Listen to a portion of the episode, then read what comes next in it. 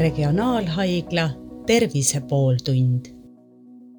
tervist, te kuulate Regionaalhaigla Tervise pooltundi, minu nimi on Hando Sinisalu ja täna ajame juttu äh, doktor Enn Jõestega, kes on patoloog ja kes on arstina töötanud äh, viiskümmend neli aastat ja tähistab äh, juunikuus oma kaheksakümnendat juubelit doktor Jõeste, kui te meenutate oma viiekümne nelja pikkust, viiekümne nelja aasta pikkust arstikarjääri, siis millised sellised kõige eredamalt meelde jäävad, meelde jäänud hetked on sellel teekonnal?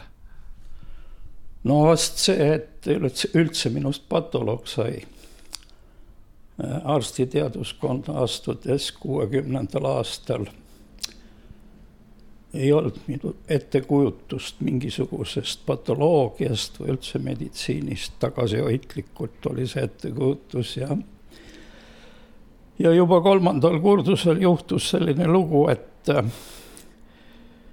arstiks saamise ettevalmistamise kursusel, kus tuleb haiget uurida nii-öelda kuulatleda torukestega tema kopsu hingamist ja tema kehas paiknevate elundite asetust. Koputamisega siis öeldi mulle, et, et kas liiga kõvasti ja te ei kuule midagi, südametööd ja see nagu pani natuke pettuma, et, et, et ei saa ikka päris arsti. ja nii läkski, ei saanudki päris arsti sai kolmandal kursusel otsustatud hakata hoopis patoloogiks, kuna sellel ajal oli just õppeaineks ka patoloogia kursus, loengud, praktikumid ja nii edasi ja tundus, et see minu sisemise minaga sobib vast kõige rohkem kuidas te tavainimesele seletaksite patoloogi tööd, et mida, mida see endast kujutab, mis see, mis see patoloog on, te ütlesite, et see ei ole päris arst, et, et miks ta siis ei ole? Jah, seda on raske seletada, kuna see eriala on üldiselt üsna tundmatu, ma isegi imestan, kui vähe teavad nii-öelda kolleegid, arstid selle töö nii-öelda tegelikkusest, millega ta tegeleb. üsna toreda iseloomustuse sain ma selle eriala kohta mõni aasta tagasi, kui ma siin amatöörina valmistan osakonna nii-öelda juubeli ümmargustel tähtpäevadel videofilmi, siis mis on mõnevõrra mulle nagu hobiks, siis ma sain nii-öelda mõtet Inglismaalt, kus tehti küsitlus, mis on siis selline patoloogia. ja see on mul siin ekraanil võimalik näha, et võib-olla loeme sealt siis ära, kuidas Inglise tudengid ja rahvas nagu vaatab sellele patoloogile.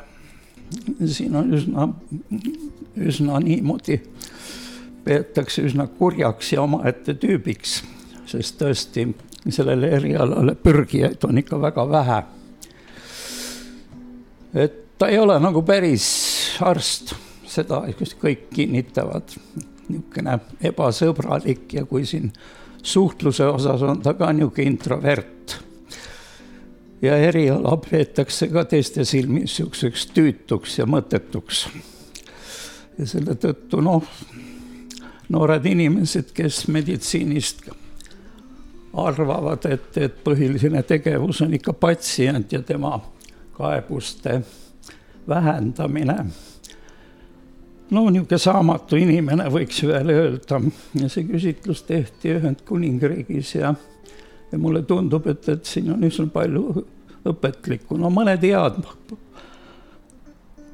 küljed on ka välja töötud, et inimese nii-öelda siseelundit talle meeldib vaadata ja uurida, aga muidu on ta selline märkamatu inimene, kelle kohta nagu midagi siis välja tuua ei olegi. Ja võib-olla see äh, on ka mõnes mõttes selle erialaga seotud, sest et, et vaadake, see on vist minu teada küll ainuke eriala, kus arstiharidusega inimene ei puutu patsiendiga mitte kunagi kokku. meil on nagu kaks eriala, suurt nii-öelda alameriala, üks on siis surnukehade või koornute lahkamine, mis on ajalooliselt välja kujunenud juba aastatuhandeid tagasi. ja teine on siis mikroskoopia, mis on samuti paarsada aastat juba vana. ja tema siht on või eesmärk on inimese keha ehitust nii silmaga vaadates, mis on siis see patoanatoomiline lahkamine või mõnes maas ka koos kohtumeditsiinilise ekspertiisiga ühed ja samad inimesed teevad. ja teine pool on siis, et mis silmaga jääb nähtamatuks, on siis leitud, et mikroskoopia, mis teeb suurendusi rakkudest ja teeb neid nähtavaks, sellega me näeme nagu ehituskividest üles laotud sellist kude, rakkusid, kude, elundeid. ja nende kaudu siis ära mõistatada ka mingil määral nende rakkude tegevust ja kudede tegevust inimese organismis. kas normaalses tervise, selle sõna kõige paremas mõistes, seisundis või siis haigusseisundis Need ongi need põhilised suunad, aga põhiline erinevus on, et me jah, ei kohtu kunagi patsiendiga. ja noh, selles suhtes, kui minna kaasaega, siis meie eriala vist on väljapool korruptsiooni, mida tänapäeval nagu kingituste ja muu toomise mõttes pannakse pahaks arstile. tänu, seda tänu me küll kunagi ei saa. No ma vaatan teie laual seisvat mikroskoopi ja, ja mulle meenub enda lapsepõlv seitsmekümnendate aastate Tartus ja, ja Maarjamäisa haiglas ma nägin umbes äh, samasuguseid mikroskoope, nad olid küll vanaaegsemad, aga, aga nii-öelda väljastpoolt äh, põhimõtteliselt nägid nad samasugused välja, et see tehnika areng on nüüd siin äh, igas valdkonnas olnud väga suur, ahah. ma nägin jah, teil on kapis ka üks üks, üks, üks, üks antiikse väljanägemisega mikroskoop, aga mida ma oma selle jutuga tahtsin öelda, on see, et, et iseenesest äh, on, on see ülesehitus suht- või see mikroskoobi väljanägemine üsna sarnane, et kui me vaatame mis tahes muid tehnikavidinaid, siis need on selle viiekümne aastaga ikka väga palju muutunud. et mis selles mikroskoobis siis äh, põhimõtteliselt muutunud on?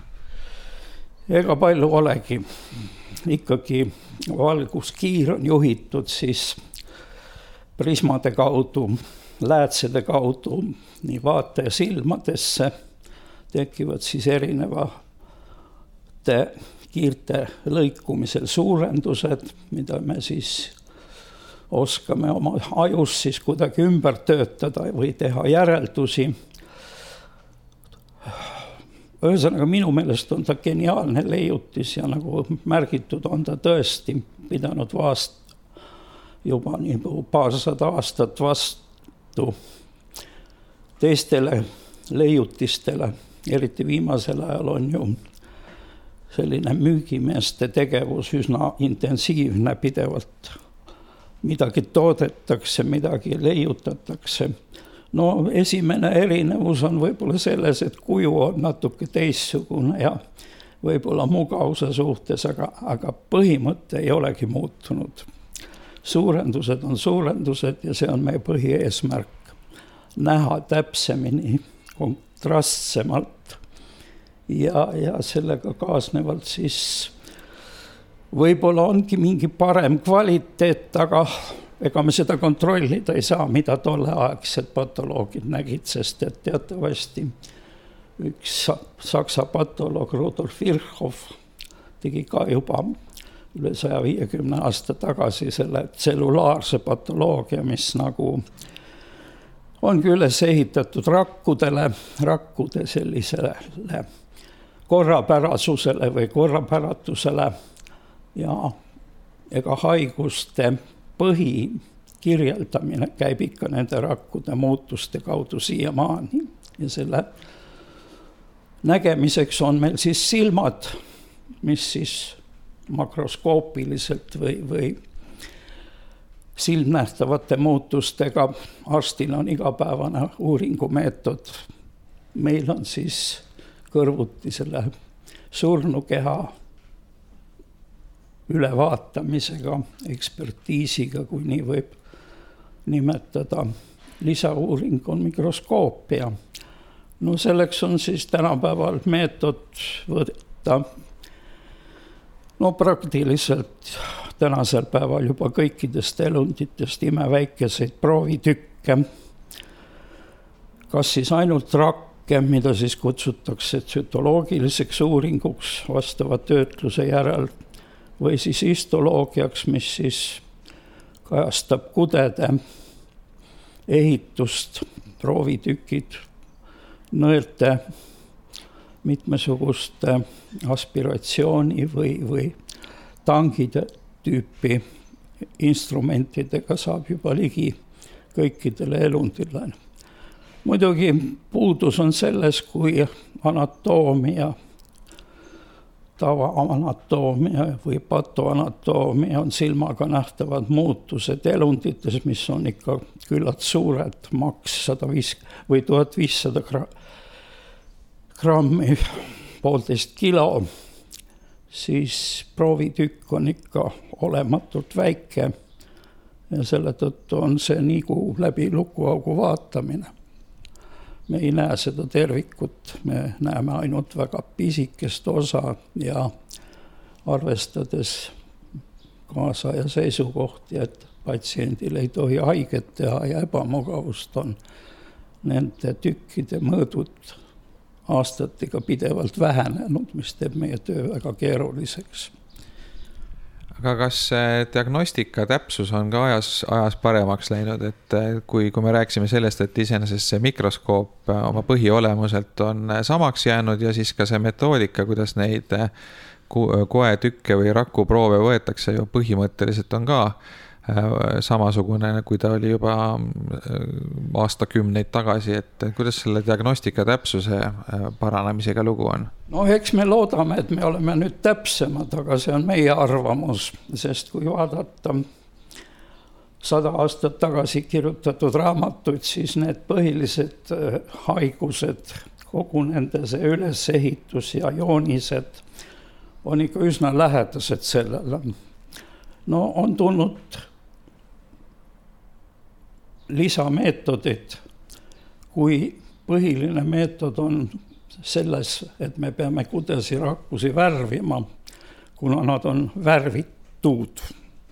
koed on värvitud, noh, välja arvatud siis punaveri, mis on kõigile arusaadavalt punane, siis koed on värvimata ja selleks on siis kasutatud väga kaua juba ühte ja sama meetodit, mis on ilmselt ka väga geniaalne, see on hematokseliin eosiin meetod, mis siis rakutuumad värvib siniseks ja raku see mahl või tsütoplasma jääb niisugune roosakaks, selle tõttu on meil nad silmale nähtavad ja eristatavad. ja nüanssidena siis on värvitoonid erinevatel kudedel erinevad see on põhimeetod, mille kohta öeldakse, et klaas või preparaat selle koeprooviga annab kuskil kaheksa, üheksakümmend protsenti meile diagnoosi, mida nagu kliiniline tavameditsiin anda ei suuda. kõik lisandid, mis tänapäeval on siis tulnud, erinevad värvimismeetodid, immuunoistokeemia, võib-olla siis vähem kasutatav elektronmikroskoop ja, ja kõik uued niisugused meetodid, mida püütakse ju juurde tuua, et täpsust saada. aga väga raske on hinnata, sest kui vaadata haiguste olemust, siis nad sisuliselt on ikka samad ja üsna lähedased vähemalt patoloogidele. jätame raviküsimused välja, sellepärast et patoloog ei ole see spetsialist, kes tegeleb raviga, kuna ma ütlesin, et ka patsiendiga pole meil mingit nagu otsest sidet. ja me muidugi tasapisi võib-olla see kvaliteet paraneb, noh, teravam pilt, võib-olla seda saab suurendada, panna ekraanile, internetti ja nii-öelda edasi juhtida ka teiste kanalite kaudu teistesse samalaadsetesse asutustesse või spetsialistidega, et selline kontakt või mitmene arvamus oleks nagu äh, kättesaadavam, kuid samas tuleb jälle rõhutada, et meil on väga individuaalne töö. Tähendab, patoloog on ainuisikuliselt, kes selle preparaadiga või selle lahanguga kokku puutub. noh, loomulikult me võime kolleegi käest küsida ja üksteisega arutada aga see arvamus ja see otsustamise oskus ja, ja suutlikkus ongi see põhiline tegevus patoloogil. selle otsusega ei pruugi raviarst nii-öelda leppida, ta võib ka arvata teisiti.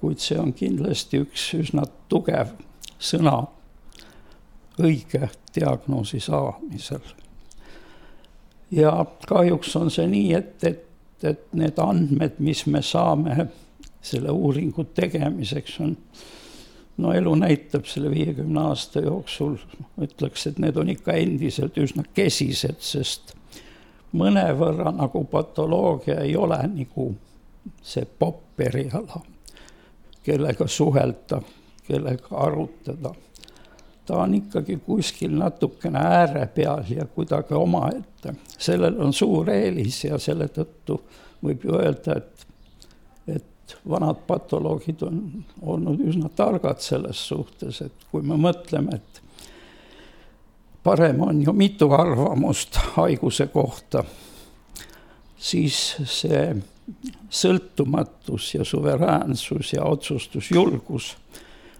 ongi garanteeritud sellega, et sa oled nagu teistest mõjutustest vaba.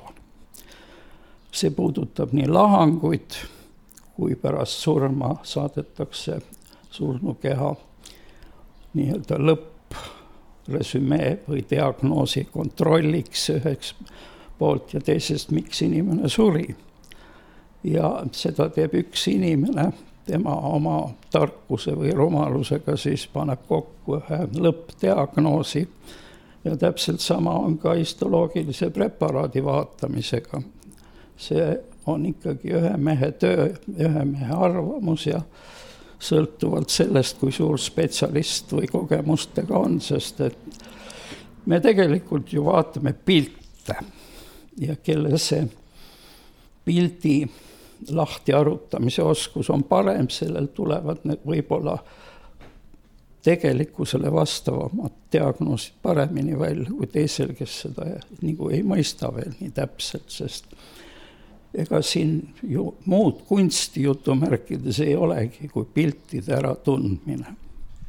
no on räägitud sellest, et et tulevikus või võiksid selle ülesande enda peale võtta robotid või siis täpsemalt öeldes tehisintellekt, aga aga samal ajal äh, kui, kui muid sarnaseid valdkondi, et ma just lugesin ühte artiklit äh, kunsti võltsingute tuvastamisest ja seal ka on äh, tehisintellektil oma roll rääkida ja, ja, ja, see on abiks, aga lõpuks ikkagi inimesed teevad paremaid otsuseid ja ja üks huvitav tsitaat oli, kui ühe, ühe kuulsa kunstieksperdi käest siis küsiti, et kuidas sa, kuidas sa küll suutsid seda võltsingut tuvastada, sest see oli identne täielikult nii, nii hea koopia, kui üldse olla saab.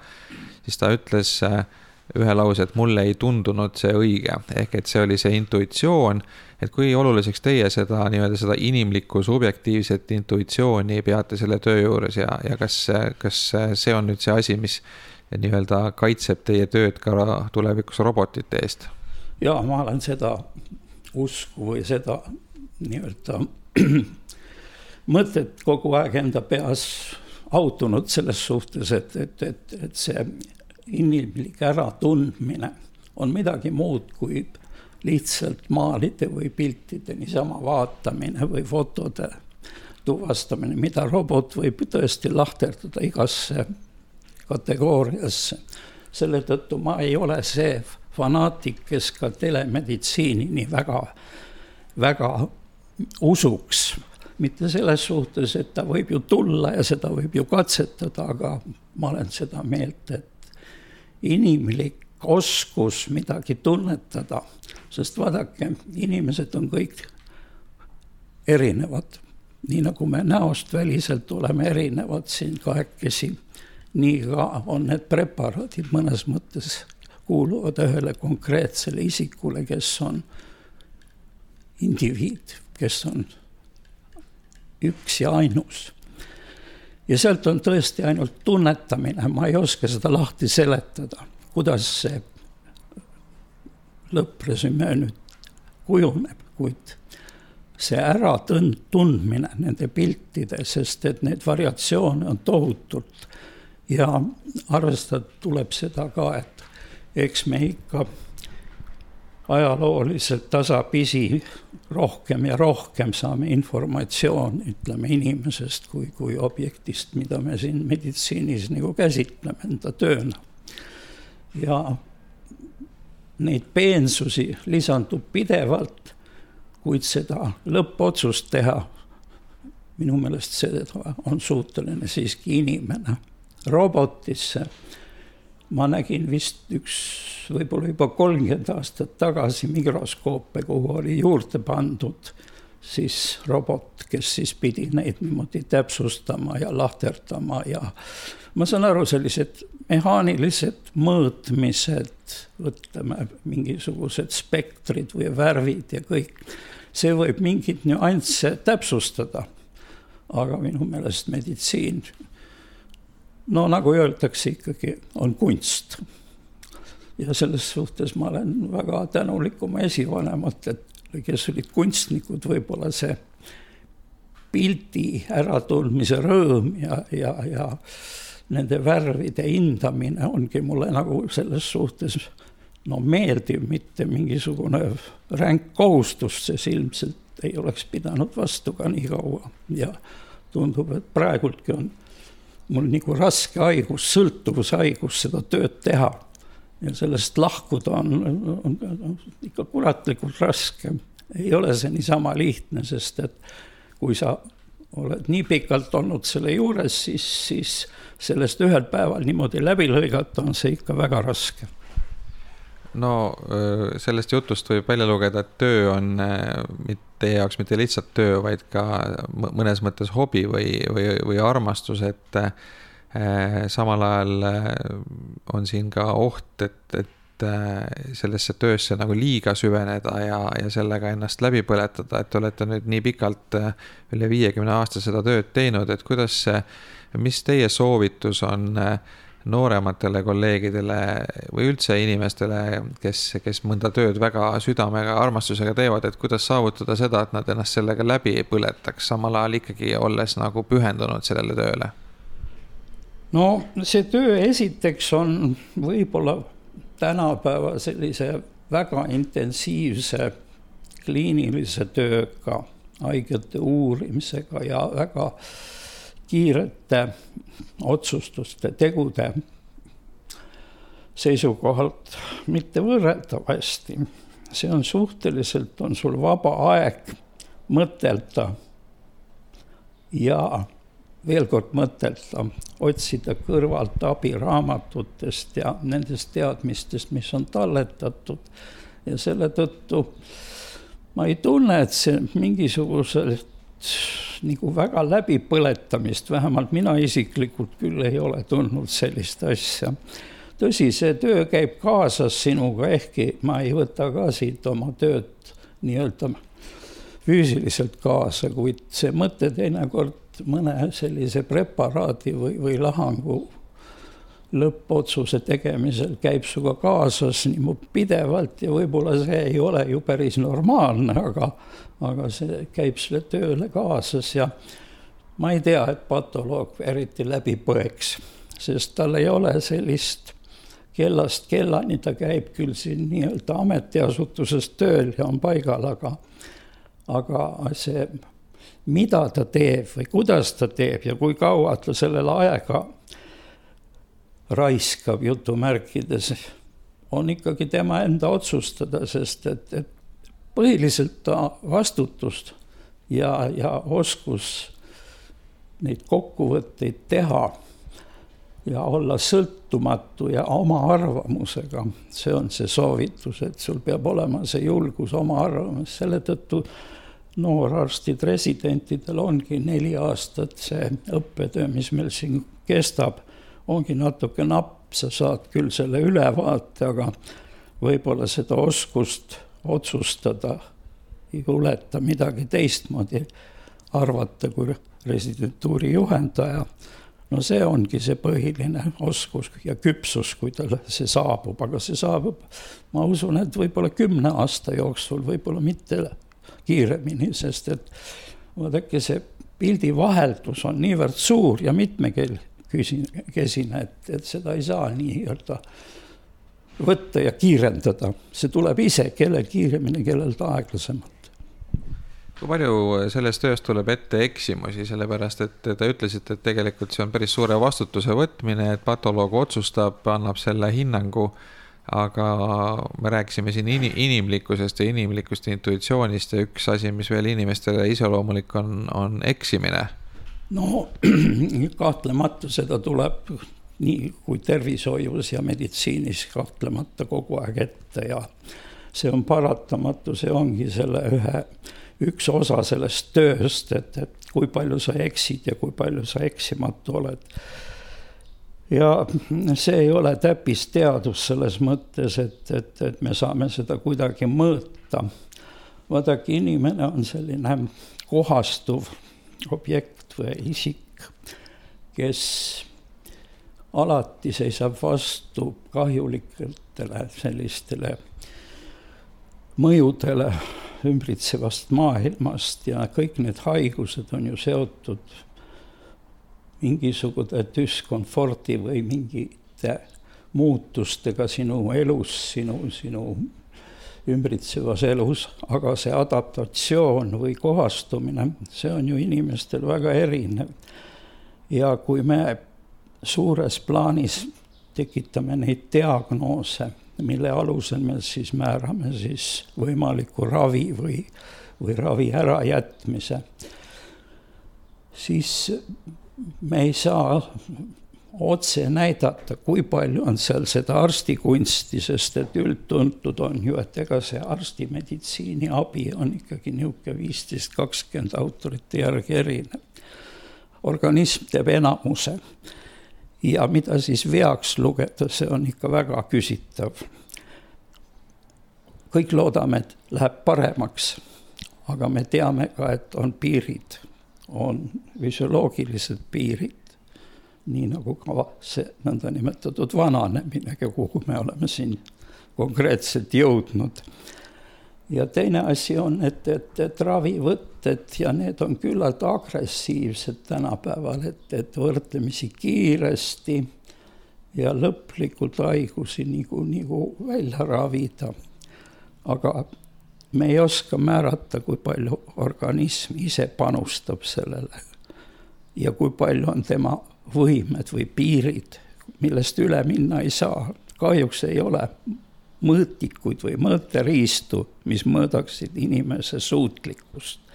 selle tõttu ongi vahel kummaline kuulata lahangul käivate raviarstide sellist, kuidas öelda, nagu ootamatut küsimust, et, et aga miks ta siis ära sai, suri.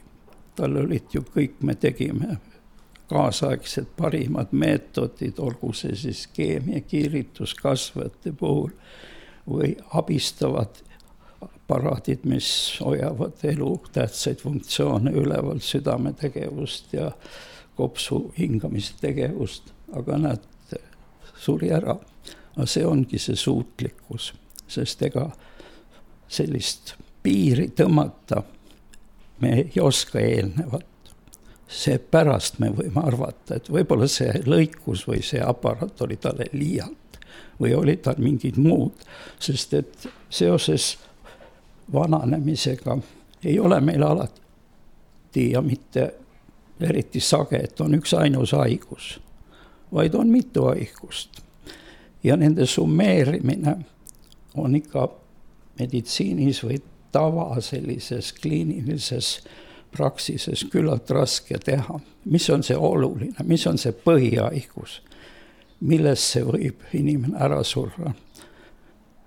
või on see summeeritav paljude haiguste ühine mõju?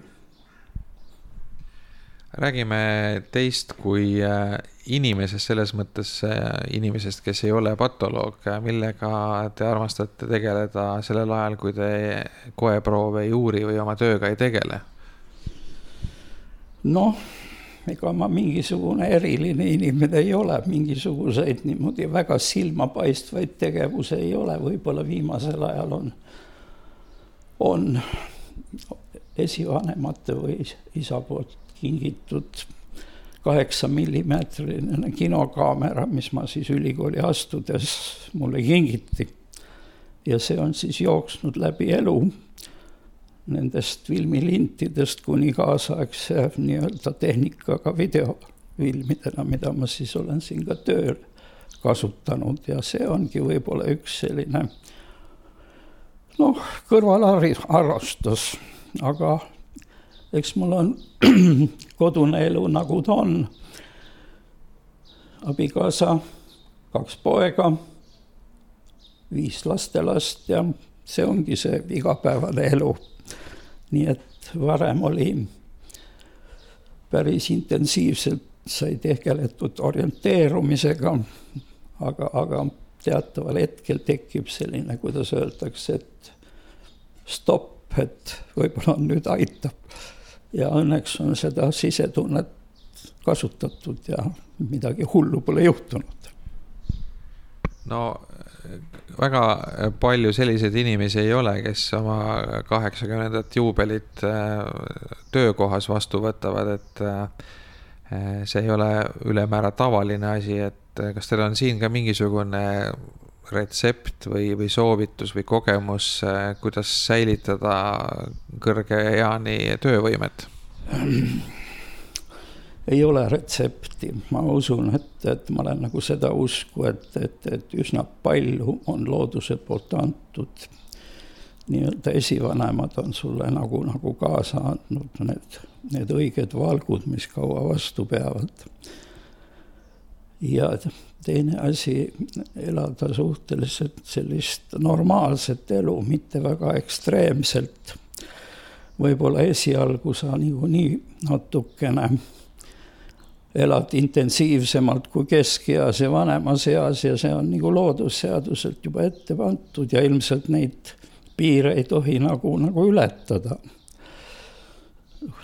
ma ei ole ka seda erilist usku, et, et söök, jook ja kõik see liigutamine, nad on ju kõik sellised nagu olulised, aga, aga ka tavaelus tulevad nad paratamatult nagu, nagu igapäevaelus ette sul. Sa ei pea selleks mingisugust erilist režiimi endale tekitama, nii et, et mul ei ole mingisuguseid selliseid erilisi eeskirju seina peal, et ma teeks nii või naapidi. ja on ka veel selline küsimus, et tihti noh, võib-olla sa pärast nagu kahetsed, et, et, et oleks võinud tegemata jätta. Aga kui need on harva juhtuvad sellised sakid väljapoole normi, siis ilmselt ei ole siin tervis ja organism on siiski tohutult kohastuv. seda usku ma olen, sest et kõrvuti raku sellise silmaga vaatamisega ma väga pean lugu tema funktsioonidest, kuidas need rakud elavad, toimetavad ja, ja sünnivad ja surevad, sest et tundub, et selles on kogu see iva, pikaealisus ja, ja tervis. sest noh, ma võin praegult öelda, et no ma hakkasin mõtlema, et ma vist ei olegi olnud töövõimetuslehel. ja praegult mul nagu kolleegi juurde ei ole vaja minna, mul ei ole kaebusi selliseid suuremaid, et ma läheks nüüd kaebaks, noh, sellised pisiasjad on igal inimesel, aga neid ei tohiks ka üle võimendada, kui sa nende peale nii väga tugevalt hakkad nagu psüühiliselt mõtlema või, või siis sa vist jäädki natuke tõbiseks. nii et praegult on kõik hästi aga suur tänu teile, doktor Enn Jõest. me rääkisime juttu patoloogi doktor Enn Jõestega, kes on viiskümmend neli aastat arstina töötanud ja tähistab juunikuus oma kaheksakümnendat juubelit. palju õnne teile saabuva juubeli puhul ja aitäh meiega vestlemast. aitäh, kõike head. Te kuulasite Regionaalhaigla Tervise pooltundi, saatejuht oli Hando Sinisalu, aitäh kuulamast regionaalhaigla Tervise pooltund